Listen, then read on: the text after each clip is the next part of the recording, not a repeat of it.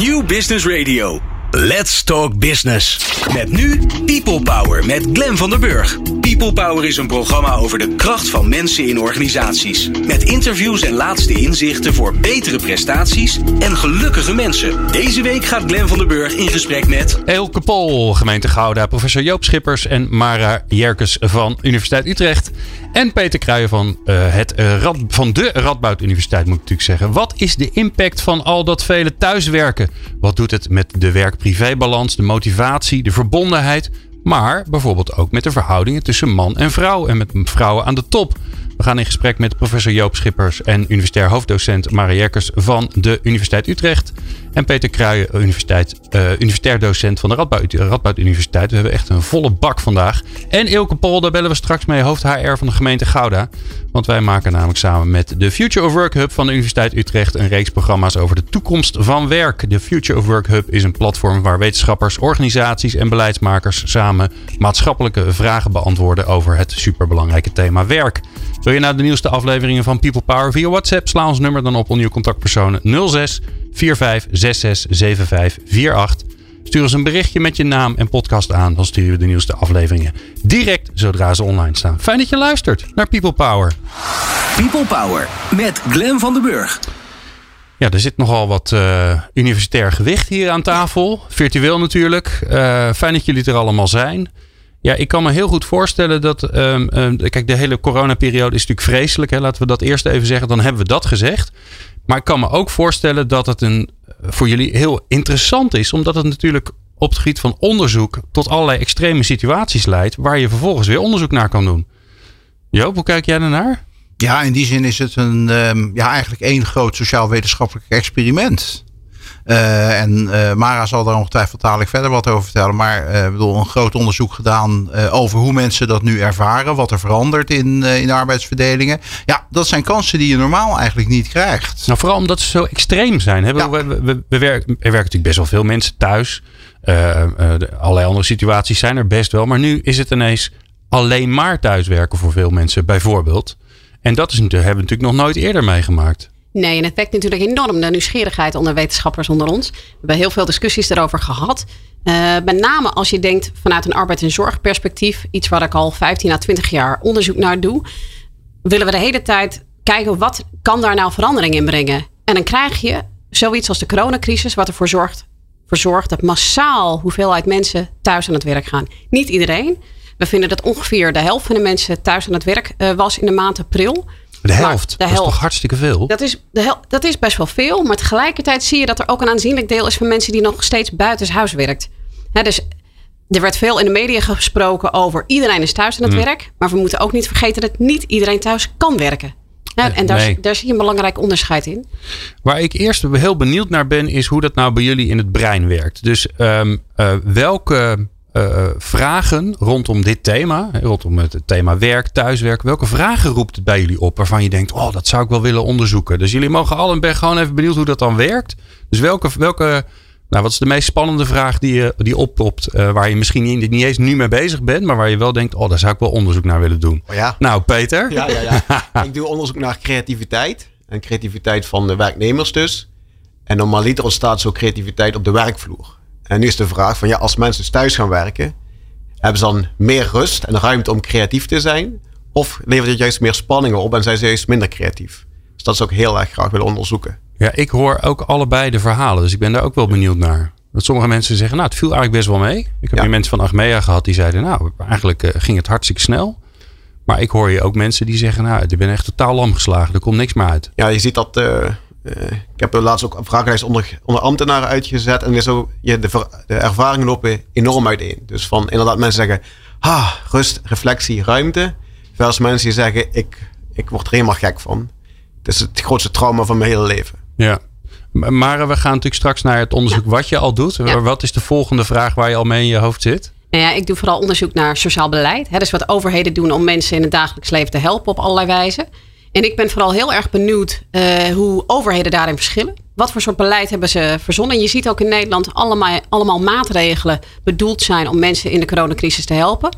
Maar heeft dat beleid daadwerkelijk een effect? En zeker op het terrein van arbeid en zorg of arbeidsverhoudingen, zie je dat, er, dat Nederland eigenlijk betrekkelijk weinig deed als het ging om ouders bijvoorbeeld tegemoetkomen in een verlofperiode gedurende de crisis. Terwijl andere landen, zoals Slovenië of Finland, België, dat wel degelijk hebben gedaan. En wij zijn juist nu bezig met. Ja, en wat, eh, hebben ze daar, dan- wat hebben ze daar dan gedaan? bijvoorbeeld een ouderschapsverlof eh, omgerekend specifiek voor de coronacrisis, zodat ouders ook aanspraak konden maken op betaald verlof gedurende de crisis, Ja. of voor een hele periode of een gedeelte daarvan, terwijl scholen en opvang dicht waren. Omdat je niet kunt verwachten dat mensen aan het werk eh, kunnen zijn. En we weten uit ons onderzoek dat veel werkgevers begrip hadden voor mensen die thuis moesten werken en ook eh, zorg, kinderen en zo moesten regelen of zorg voor anderen. Eh, maar niet iedereen, niet alle werkgevers hadden evenveel begrip. En als je als ouder daar of mantelzorger met je handen in het haar zit, ja, dan is zo'n verlof wel interessant. Maar tegelijkertijd weten we al een beetje dat uit Finland, waar ze wel zo'n beleid hebben, dat mensen, de, en tenminste hoogopgeleide vrouwen, daar eh, meer eh, disbalans ervaren in de werk-privé dan hier. En wij zijn met elkaar heerlijk in discussie over hoe, komt dat? dat nou? En Ja. is dat, heeft dat te maken met de deeltijdcultuur in Nederland of andere dingen?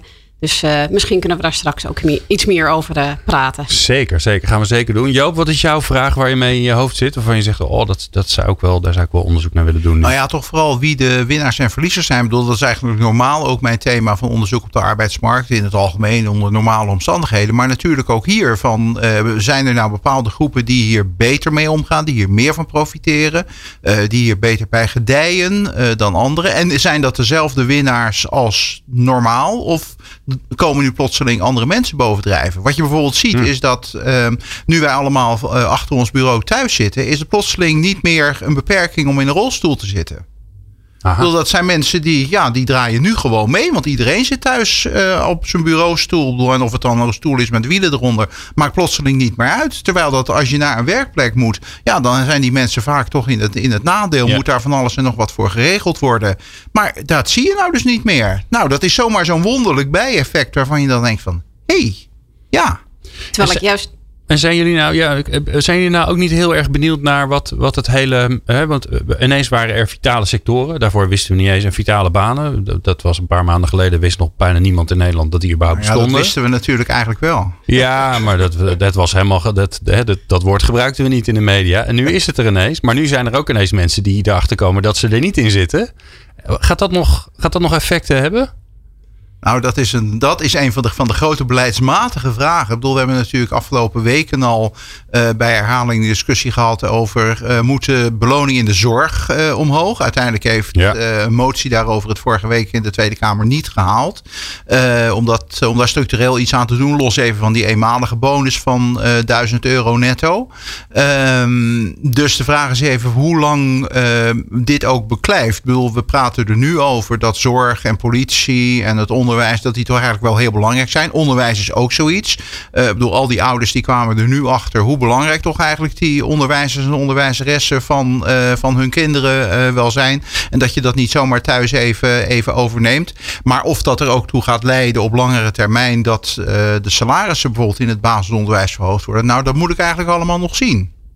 Dus dit is wel van, we, hebben, we beleiden dit nu op dit moment. En je hoort het de laatste weken alweer wat minder. Maar in ieder geval zo eh, de afgelopen maanden kwam dat heel vaak met de mond naar voren. Maar de daden, dat eh staat... Nee, we hebben hier, het Mediapark hier is tegenwoordig ook een soort demonstratieruimte geworden. Ja. Een soort tweede Malieveld. Hè? Want als daar dicht is, dan komt iedereen gezellig hier naartoe. Of naar Wageningen, waar ik overigens zelf woon. Dus ik heb eh, bij mij, het is altijd feest. Bij mij voor de deur. Ja. Dus wij hadden voor afgelopen vrijdag hadden we hier en de kermisexploitanten en eh, we hadden de boeren. Nou, die hebben allebei grote, grote spullen om mee te nemen, hè, waar ze de kruispunten vast kunnen zet- zetten. Ik zou zeggen, eh, zorg en onderwijs. Jullie moeten even creatief zijn, iets groots bedenken, waardoor je beter kan demonstreren. Want je hebt gewoon grote spullen nodig. Je Ja. zou ook kunnen zeggen dat het eigenlijk best wel bizar is dat eh, mensen met de grootste mond het, het meest kunnen bereiken. En dat Ja. mensen überhaupt in de zorg en in het onderwijs moeten protesteren voor betere arbeidsvoorwaarden en meer waardering van het werk wat ze doen. En ik vind het wel interessant om te zien dat in de coronacrisis dat iets wat al 20, 30 jaar geleden speelde, namelijk de waardering van zorg, niet alleen betaald wat wij in de zorg hier eh, op de arbeidsmarkt zien, maar ook thuis, dat dat nu en al, eh, ineens een nieuwe discussie aan het opleiden is van wat vinden wij eigenlijk belangrijk? Is zorg wat mensen thuis doen even belangrijk als zorg wat mensen ook gewoon op de arbeidsmarkt doen? Ik denk dat daar wat, wel iets voor te zeggen is. Maar dan moet je beleidsmatig ook uh, andere maatregelen verzinnen. om dat beter uh, in goede banen te laten leiden. Ja. Um, ik doe het rondje natuurlijk niet voor niks. Hè? Dus, uh, dus ik hoor um, inclusie hoor ik langskomen. Ik hoor man-vrouw hoor ik langskomen. Creativiteit. Verbondenheid heb ik nog niet echt gehoord. Wat, wat doet dat thuiswerken, dat, dat op afstand zijn? Wat doet dat met je verbondenheid met de organisatie, verbondenheid met je collega's? Is dat iets wat jullie fascineert? Of zeg je van nou, dat vinden we eigenlijk totaal niet interessant? Ja, wat je ziet hier in het thema is dat een aantal mensen zich wel druk maken over uh, het onderlinge collegi collegialiteit. Dus mensen die zeggen van ik wil niet meer naar mijn werk toe, want ik ben uh, een risicogroep.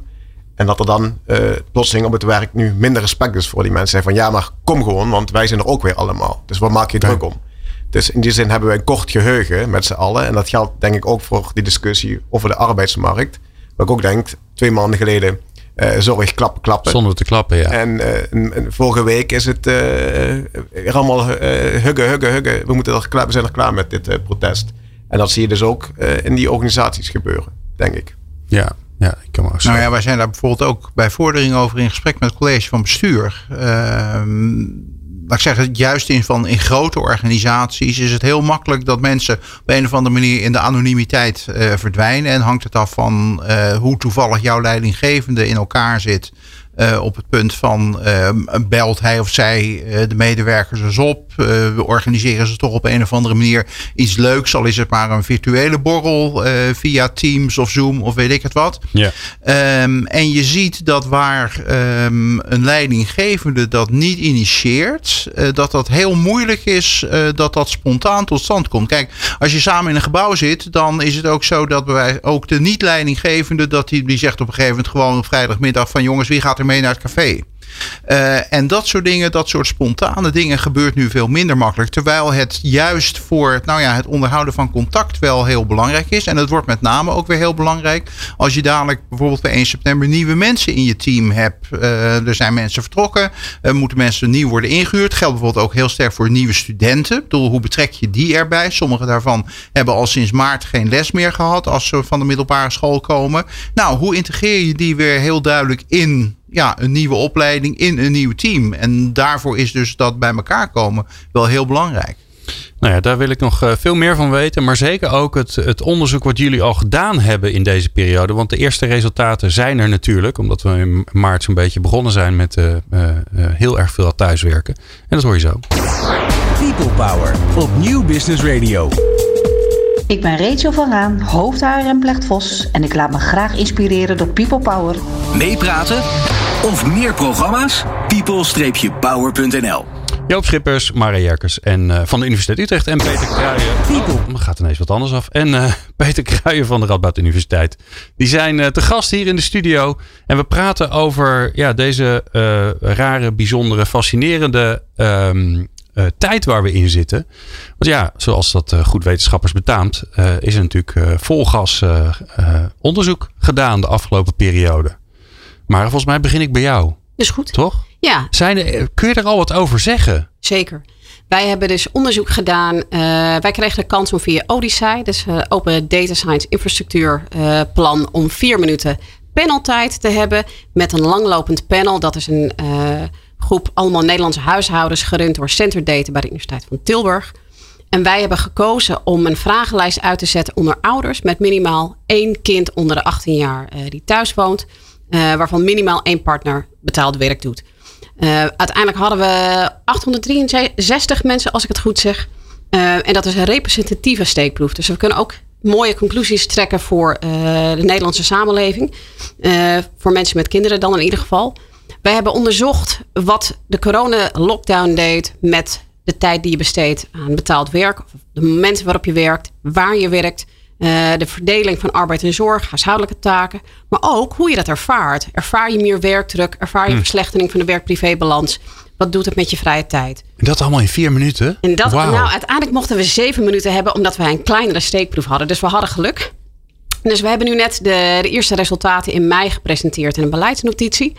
En we hebben vandaag toevallig ook net de tweede vragenlijst uitgezet om te kijken hoe het ouders is vergaan in de maand juni.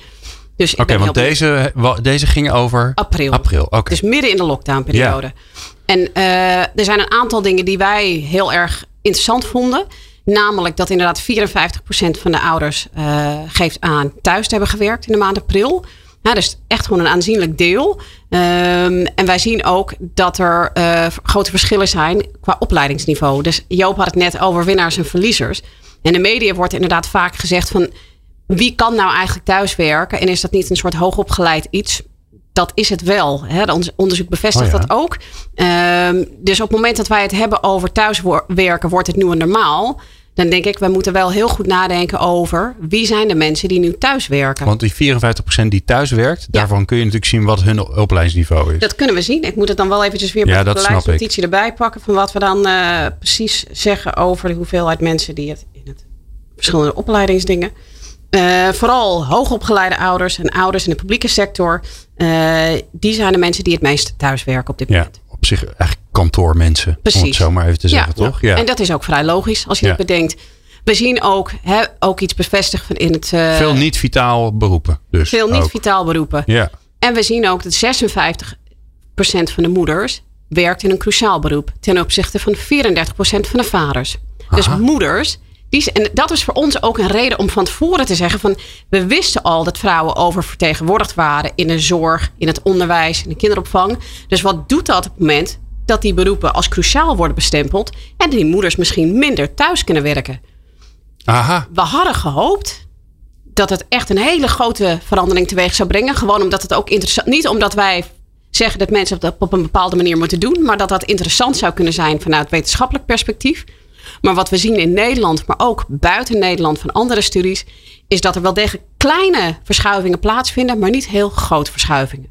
Dus in onze Nee, want even studie- simpel ja, gezegd, hè, veel moeders waren buiten aan het werk. Ja. Zoals ze altijd al aan het Precies. werk waren. En veel vaders zaten niet op kantoor, thuis. belangrijk te zijn, maar zaten gewoon thuis. Ja.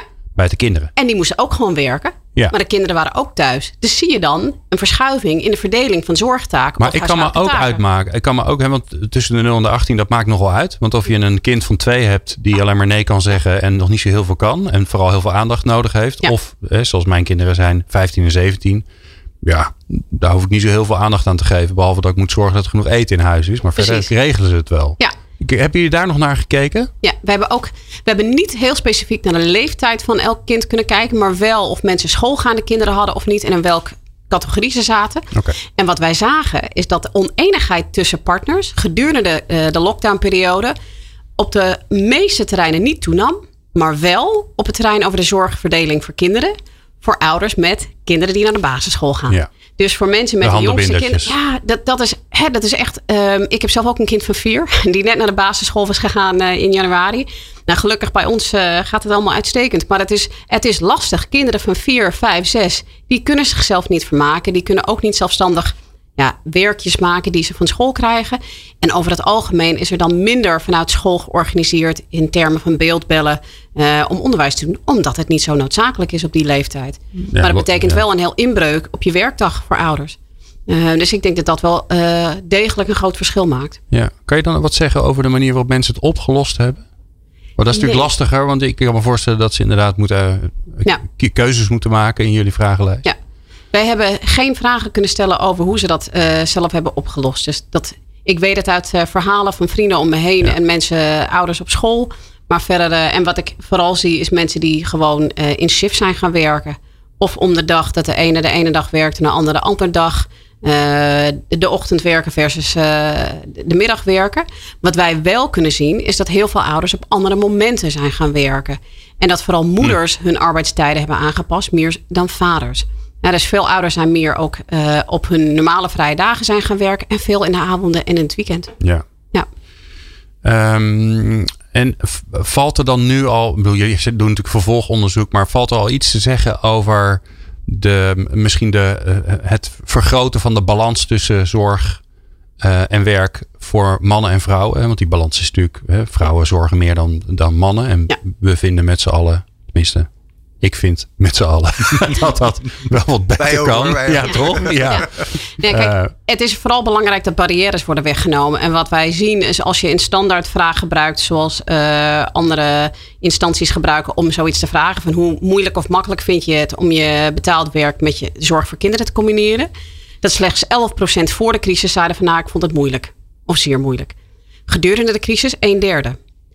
En niet dat er überhaupt iets is als een echt een balans tussen werk en privé of werk en zorg. Maar het is natuurlijk wel zorgelijk dat er voor zoveel ouders zo eh, veel moeilijker is geworden om werk en zorg met elkaar af te stemmen. Ehm, en wij zijn natuurlijk nog niet uit de crisis. Mensen werken nog steeds thuis en de scholen zijn weer open gegaan. Maar dat hoeft niet zo heel veel te kosten of je kind zit weer thuis. Nou, Eh, sterker nog, het is bijna vakantie. dus dan zitten ze weer zes weken thuis. Ja, ja. Dus dat is zeker iets wat, eh, wat de aandacht behoeft. Ehm, of dat op Maak je termijn- ergens zorgen over? Is er een resultaat waarvan je zegt, jeetje Mina zegt, daar moeten we echt wat aan doen? Waar ik me echt zorgen over maak, is iets wat volgens mij door de meeste media helemaal niet is opgepikt. Namelijk dat moeders massaal inleveren op vrije tijd. 57% van de moeders geeft aan minder of veel minder vrije tijd te hebben. En wat je ziet, wij moeten dat iets meer gaan uitsplitsen.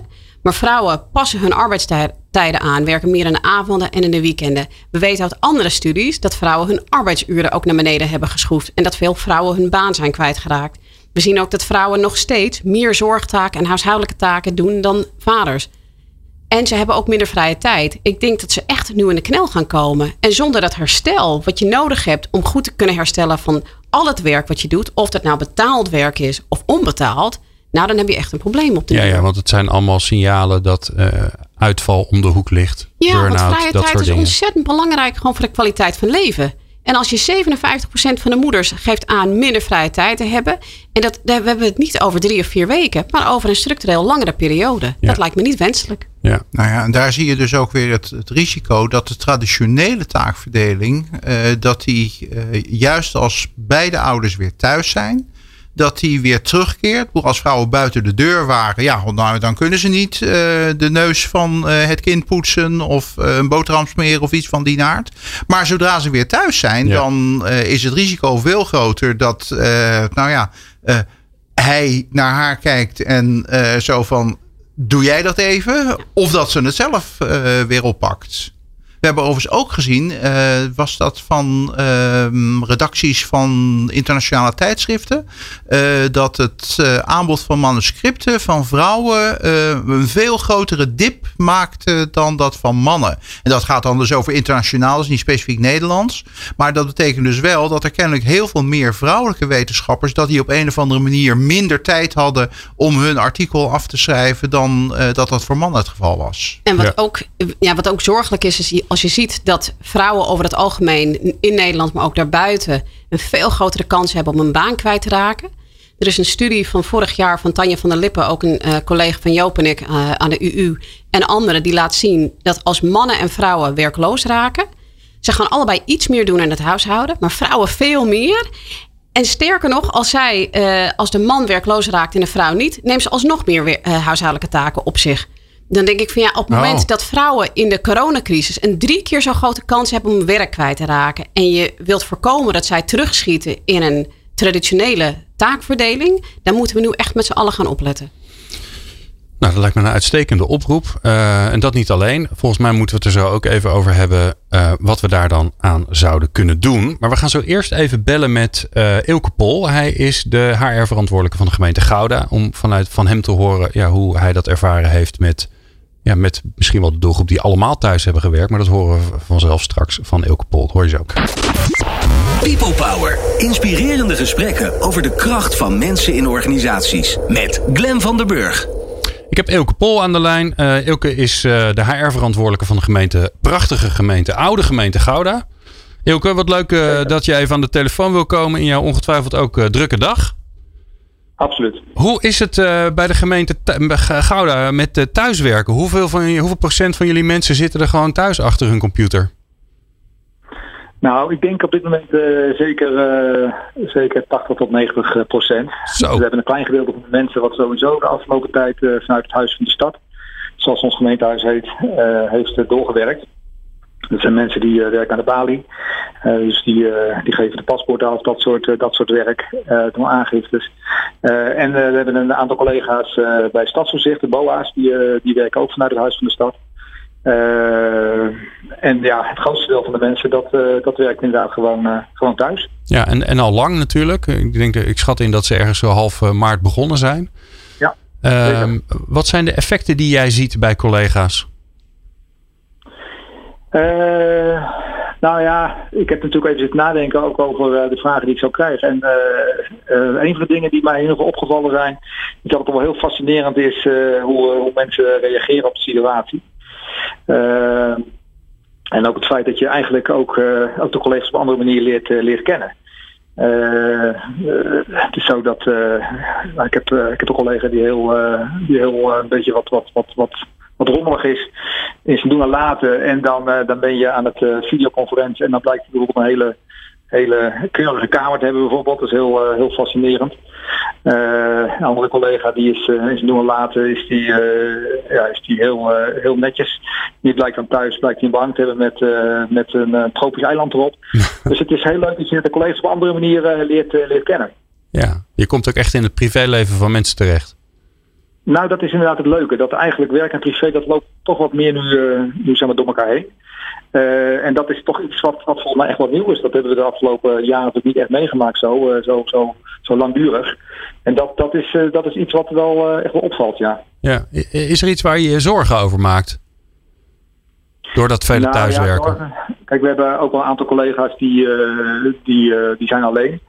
Uh, en uh, zeker de eerste, eerste weken, toen echt alles op slot zat in Nederland, uh, toen was dat voor die collega's wel, wel echt heel lastig. dus ja, dan, dan zijn mensen echt wel eenzaam. En dan is het wel heel, heel moeilijk om dat zo te zien. dus dat, dat, dat is de laatste tijd is dat wat beter geworden, omdat alles natuurlijk wat meer open gaat. Mensen zijn wat meer ook buiten enzovoort. Dus dat, dat scheelt dan wel. maar die eerste, eerste maand was voor, voor sommige collega's wel, wel echt heel ingewikkeld. Ja. Ja, Peter, Peter steekt zijn vinger op en die staat tegenover me. En die doet volgens mij veel ook onderzoek onder, uh, onder ambtenaren. Dus ik ben heel benieuwd waar die uh, ja, door je hoofd schiet. Ja, ik had een vraagje. En mijn vraag was of je merkt dat ook, je zei die alleenstaande ambtenaren het zwaar hadden. Vooral in het begin.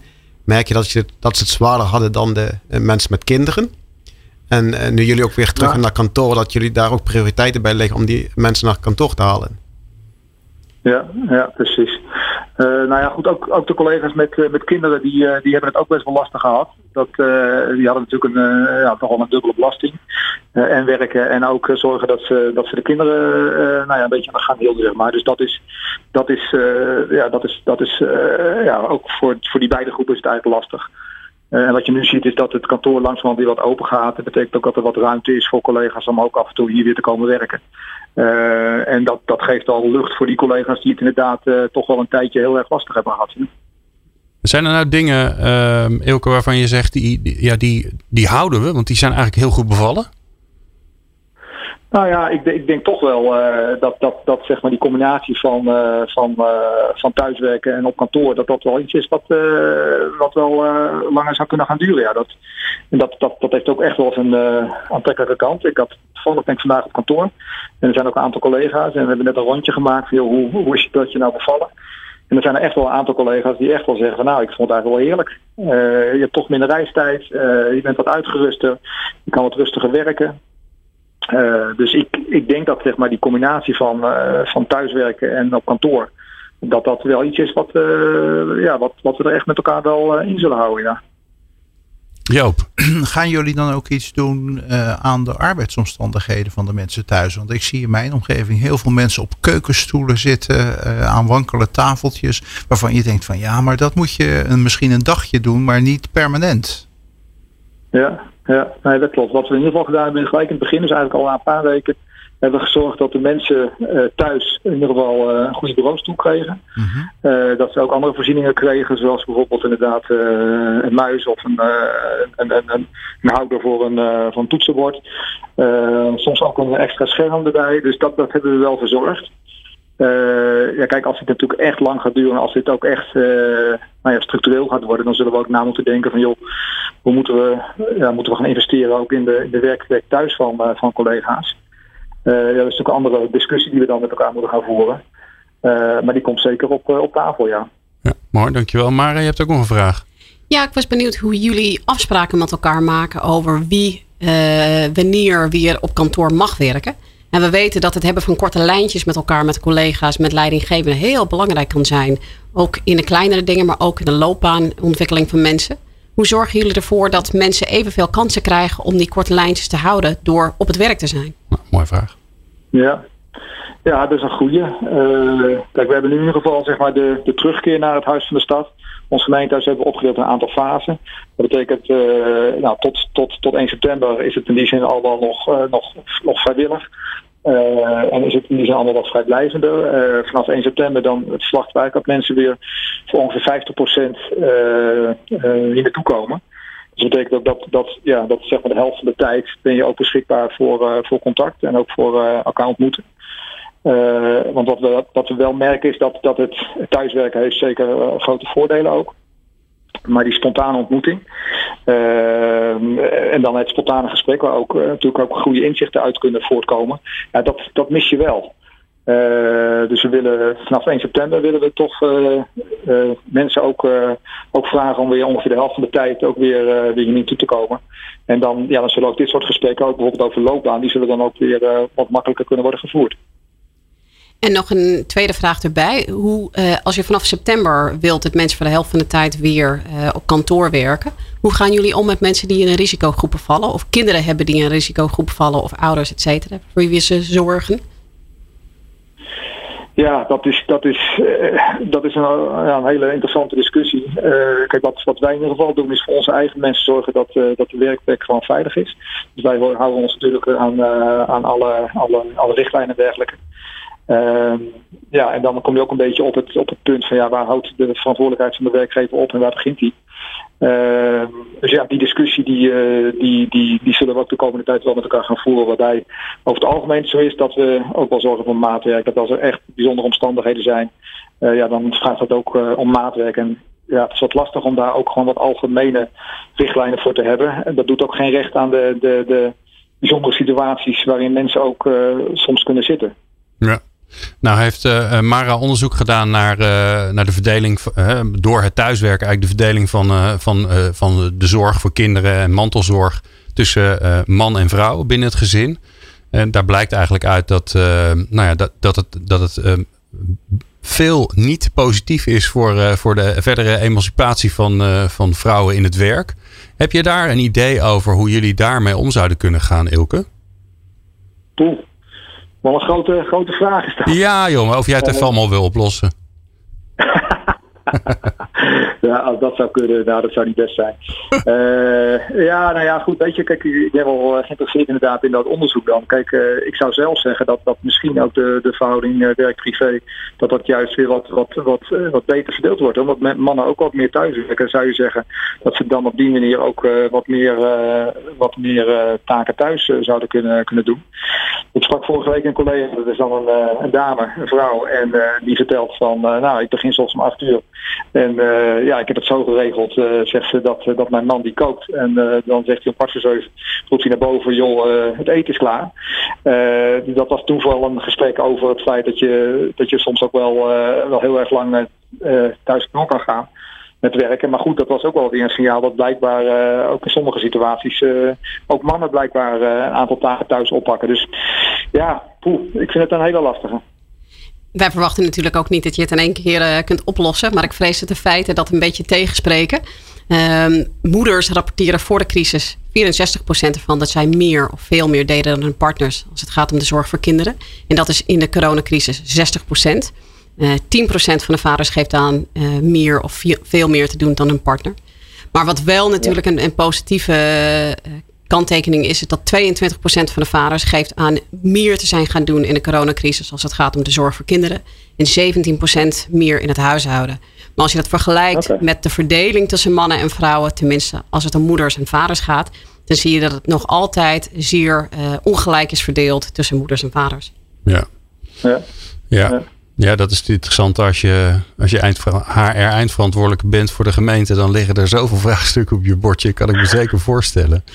Um, um, ik zit heel hard te denken of ik nog wat van je. Ja, ik wil natuurlijk heel veel van je weten, Ilke. Oh, oh dan gaat, kijk, Peter die denkt. Uh, die, vraag, ja, God, ja, als ik twijfel, dan komt Peter tussendoor. Ja, Peter. Werk, de laatste vraag, Peter. Wat denk je dat zelf de grootste uitdaging wordt voor het, uh, voor het volgend jaar? Als je het allemaal hoort voor jou. Ja, nou ja, goed. Wat ik, wat ik zelf uh, zie is van dat, dat zeg maar heel veel van het werk uh, is gewoon de afgelopen tijd door kunnen gaan. Hè. En dat is eigenlijk best heel efficiënt en effectief geweest. Ik denk dat sommige overleggen, ook op afstand, dat dat eigenlijk misschien via, via videoconferencing wel, wel effectiever is. Wat, wat zakelijker is dan sommige overleggen op kantoor.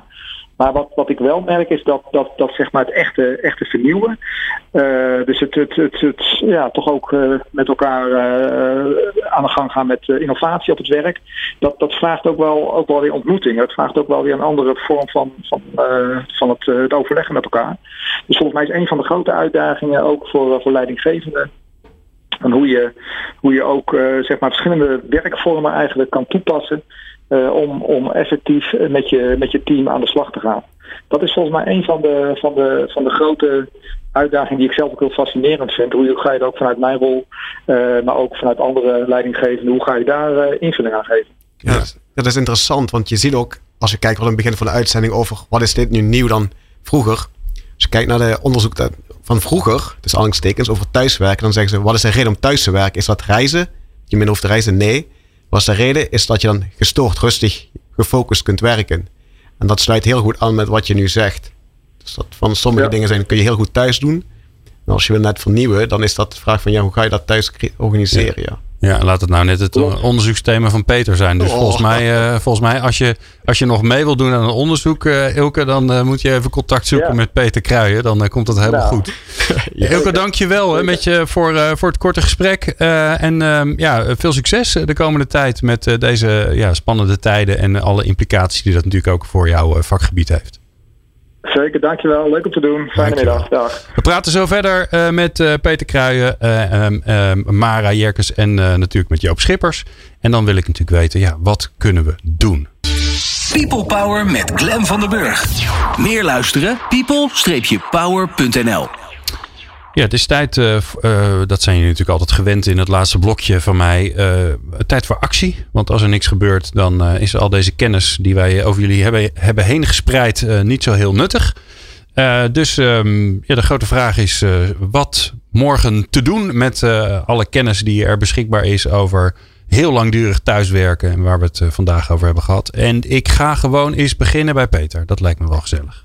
Dankjewel. Ja. Nou, als ik één ding denk van oké, dat was wel goed aan deze periode.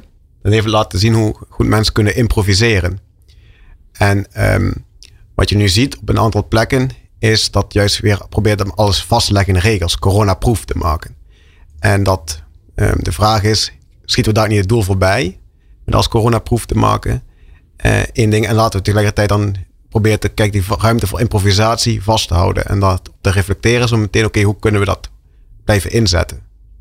Ook eh, thuis, eh, werk privé, maar ook op het werk. Oké, we hebben toch heel veel dingen voor elkaar gekregen. Het kan toch allemaal plotseling.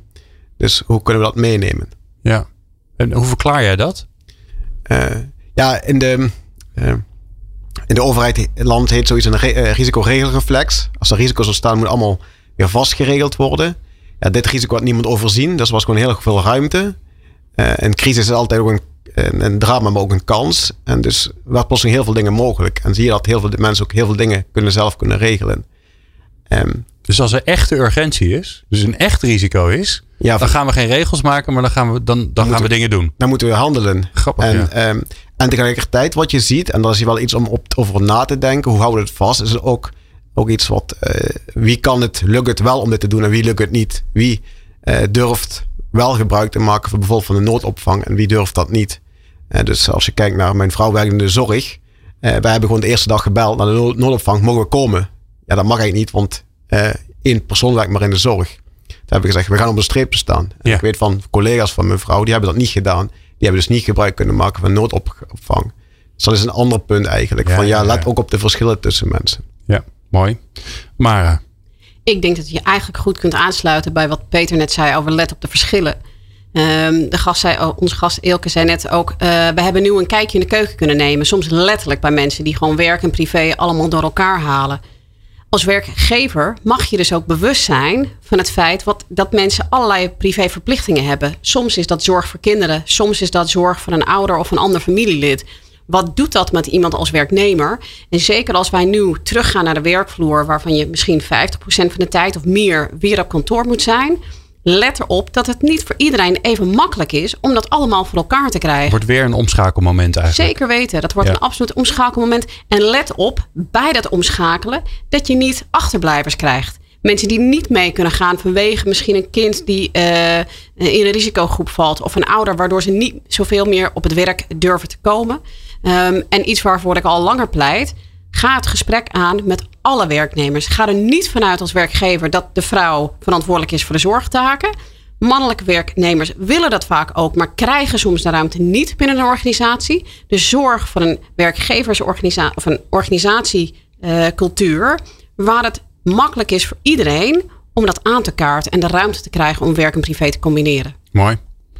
Joop, jouw laatste advies om in actie te komen? Ik denk dat dat ehm, heel erg aansluit bij uh, wat de vorige sprekers gezegd hebben. Uh, scheer mensen niet over kam. Sommige mensen die gedijen veel beter bij thuiswerken uh, dan anderen. Dat is de afgelopen maanden gebleken. en dat zal in de toekomst ook zo zijn als mensen dan thuiswerken, en ik refereerde het daar al even aan toen we met uh, Elke spraken, uh, zorg dan ook voor goede thuiswerkfaciliteiten. Uh, want, nou ja, ik zeggen, dat hebben we in het algemeen binnen bedrijven, binnen organisaties steeds beter geregeld. met bureaus die je kunt verstellen enzovoort. Maar thuis is dat vaak nog een, nog een rommeltje. Dus ik denk dat dat belangrijk is. En ik denk dat het ook belangrijk is dat je jezelf als organisatie niet rijk moet rekenen en nu al moet beginnen te denken van, oh, wij kunnen wel met zoveel meer kantoorruimte, uh, omdat de mensen wel, uh, wel thuis werken. Uh, dat moet je eerst echt nog eens even goed uitzoeken en niet nu al een streep door de nieuwbouwplannen zetten. Nee, en los daarvan zijn er natuurlijk ook heel veel mensen achtergekomen dat als je veel thuis moet werken, dat je eigenlijk daar je huis helemaal niet voor is ingericht. Nee, precies. Ik bedoel, hangt heel sterk af van uh, nou ja, hoe groot je woont of hoe klein je woont, hoeveel kinderen er in huis zitten. En ook daar zul je dus als werkgever bij het toedelen van tijd op de werkvloer rekening mee moeten houden. Dat sommige mensen die kunnen überhaupt niet thuis werken. Dus daar moet je gewoon zorgen dat er altijd een plek voor beschikbaar is. En andere mensen die kunnen het en die willen het. Nou ja, die kun je dan ook inderdaad faciliteren. Maar zorg wel dat er ook gemeenschappelijke momenten zijn waarop iedereen er weer is. Dat je inderdaad met elkaar kunt praten. En nou, de vernieuwing waar we het net al over hadden. bedoel, daar is dat toch dat contact. Dat, dat intermenselijk contact live heel belangrijk voor. En dat moet je dus ook overeind houden. En als je zegt van we koersen dus op uh, systematisch meer thuiswerken. Dan moet je ook die ontmoetingsmomenten uh, meer gaan organiseren. Ja, en dat vind ik wel weer grappig dan. Hè? Dat, ik hoor nu ook alweer verhalen van mensen die uren achter de Teams of de Zoom of weet ik wat zitten. Dus in plaats van dat ze van vergadering naar vergadering gaan, uh, klikken ze een keer en zitten ze, weer, uh, zitten ze weer met andere mensen. Ja, we moeten ook gewoon eens een keer goed nadenken over hoe, hoe we überhaupt werken, toch? Waar, nou waar doe je wat en wanneer doe je wat? En daar speelt dan dus ook het aspect van beweging uh, een rol. Want uh, inderdaad, als jij vijf uur achter Teams gezeten hebt, dan sta je op en denk je, ja. wat ben ik stijf inmiddels. Ja, uh, bedoel, dus dus in die zin is dat, dat, niet goed voor je is. Nee, precies. Ja, als, als, je, als je zoontje vijf uur achter elkaar zit te gamen, dan maak je je zorgen. Maar als je dat zelf doet, dan vind je dat geen enkel probleem. Mara. Nou ja, wat ook belangrijk is, als dat thuiswerken steeds meer ingeburgerd raakt, dat we ook opletten wat de grenzen zijn tussen werk en dingen buiten het werk om. Want wat wij zien is dat mensen veel meer op andere momenten zijn gaan werken, in de avonden en in de weekenden. Voor je het weet, vloeit alles in elkaar over. En dat hebben we sowieso de laatste decennia gezien. Dat werk en privé veel meer in elkaar vloeien. Ja. Zeker uh, als je dan ook ziet dat de werkdruk dan vervolgens toeneemt en het, mens, het psychisch welzijn van mensen ook verandert. We moeten echt opletten dat het thuiswerken niet ertoe leidt dat mensen overal en altijd maar aan het werk zijn. Er mogen ook wel wat grenzen zijn. Ja, en dat we uh, s'avonds om 11 uur WhatsAppjes aan het beantwoorden zijn. Hè? Dat, uh, ja, dat merk ik zelf ook wel. Dat ik denk, ja jongens, kom op. Om 11 uur moet je niet meer WhatsAppen over je werk. Kom op, hé. Ga iets leuks doen. Ik dank jullie zeer. Ehm, ik heb zo'n flauw voorgevoel uh, dat als er weer nieuw onderzoek is, dat we jullie terug zullen zien. Tenminste, ik hoop het ook een beetje. Graag. Um, ik vond het in ieder geval bijzonder leuk dat jullie er waren. Dus uh, dank daarvoor, uh, Maria Jerkers van Universiteit Utrecht en Peter Kruijen van de Radboud Universiteit. En Joop, ik zeg alleen maar tot aan de andere kanten van het uur. Want straks gaan we het met Joop Schippers hebben. over Schipper. Ja, Schippers, ik zeg het goed. Ja. Over, ja, hè, ja, nee, ik bedoel het. Het, het, vlo eruit. Ik dacht, was het nou Schipper of Schippers? Maar ik ben, ik, ben scherp. Um, over zijn prachtige onderzoek wat hij vijf uh, maanden lang heeft gedaan. Uh, uh, ondersteund door de NSVP. en dan gaat het vooral over de arbeidsmarkt van de toekomst. En ja, hoe dat dan uitpakt voor jongeren. En dat hoor je in de volgende aflevering van People Power. wil je naar meer luisteren? Dan kan dat natuurlijk. Dan ga je naar peoplepower.radio. En daar vind je nog 240 andere afleveringen. Veel luisterplezier. People Power met Glen van der Burg. Meer luisteren? people-power.nl